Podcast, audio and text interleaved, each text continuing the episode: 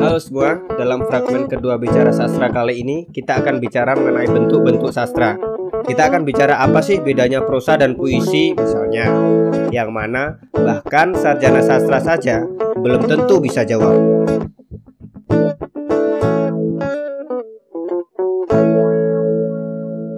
Banyak ahli berusaha merumuskan bentuk-bentuk sastra. Kali ini saya akan berusaha mengacu pada Lewis Turco dalam A Handbook of Poetics yang mampu menjadi pijakan untuk memahami bentuk sastra, untuk selanjutnya barangkali mempertanyakannya. Lewis Turco membagi genre atau tipe sastra dalam empat macam, di antaranya puisi, fiksi, esai, dan drama. Dalam bisnis penerbitan sering dikenal istilah fiksi dan non-fiksi. Fiksi mencakup novel, puisi, cerpen, atau sejenisnya, sedangkan non-fiksi selain daripada itu. Padahal sejatinya fiksi jauh berbeda dengan puisi maupun drama. Sederhananya, fiksi merupakan tulisan naratif dengan tujuan untuk bercerita.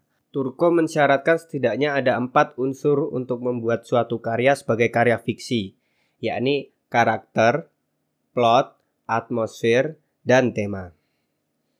Berbeda dengan drama, jika fiksi bercerita menggunakan keempat unsur tersebut, karakter, plot, atmosfer, dan tema, drama menggunakan teknik naratif untuk menciptakan dialog, monolog, dan soliloquy.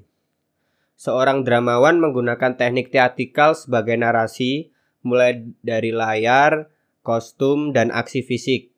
Sedangkan esai mencakup apa yang disebut oleh awam sebagai non-fiksi. Diciptakan untuk membuat argumen atas suatu subjek, lebih menggunakan teknik retorika ketimbang naratif. Terakhir, puisi yang merupakan seni kebahasaan itu sendiri. Seorang pengarang puisi dapat bercerita dengan tulisan maupun teatrikal, dapat menggunakan teknik retorika layaknya esais, namun fokusnya bukan pada argumentasi ataupun narasi, pengarang puisi berfokus pada moda atau pada bahasa itu sendiri. Ia berfokus pada sumber sastrawi dari bahasa, seperti halnya musisi konsentrasi pada suara, pelukis pada wujud, penari pada gerakan.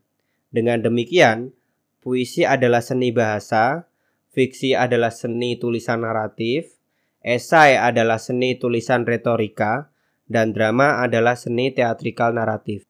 Maka jika ada yang memunculkan pertanyaan apa sih beda puisi dan prosa, sesungguhnya itu pertanyaan yang keliru. Nanya aja udah keliru ya kan? Sebab ia membandingkan dua hal yang beda tingkatannya. Puisi berada dalam level yang re, sedangkan prosa merupakan moda. Setidaknya ada dua macam moda, yakni prosa dan sajak. Turko mengklasifikasikan moda dalam level tipografik. Nah, nanti akan ada level-level di bawahnya yang masih banyak lagi. Sederhananya di tingkat moda, prosa adalah bahasa tak terukur, sedangkan sajak terukur.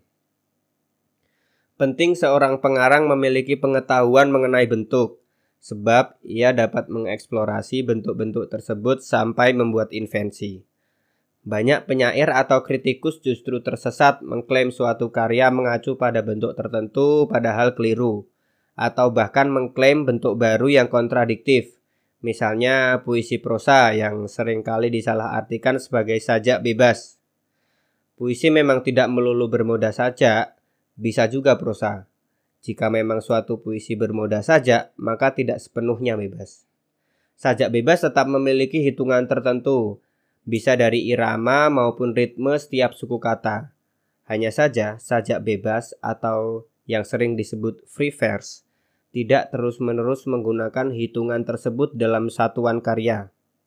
Lalu ada pula istilah sajak kosong, yakni sajak yang tak berima. Di sisi lain ada pula puisi prosa yang berima. Rima ternyata tidak hanya terdapat pada sajak, namun juga prosa.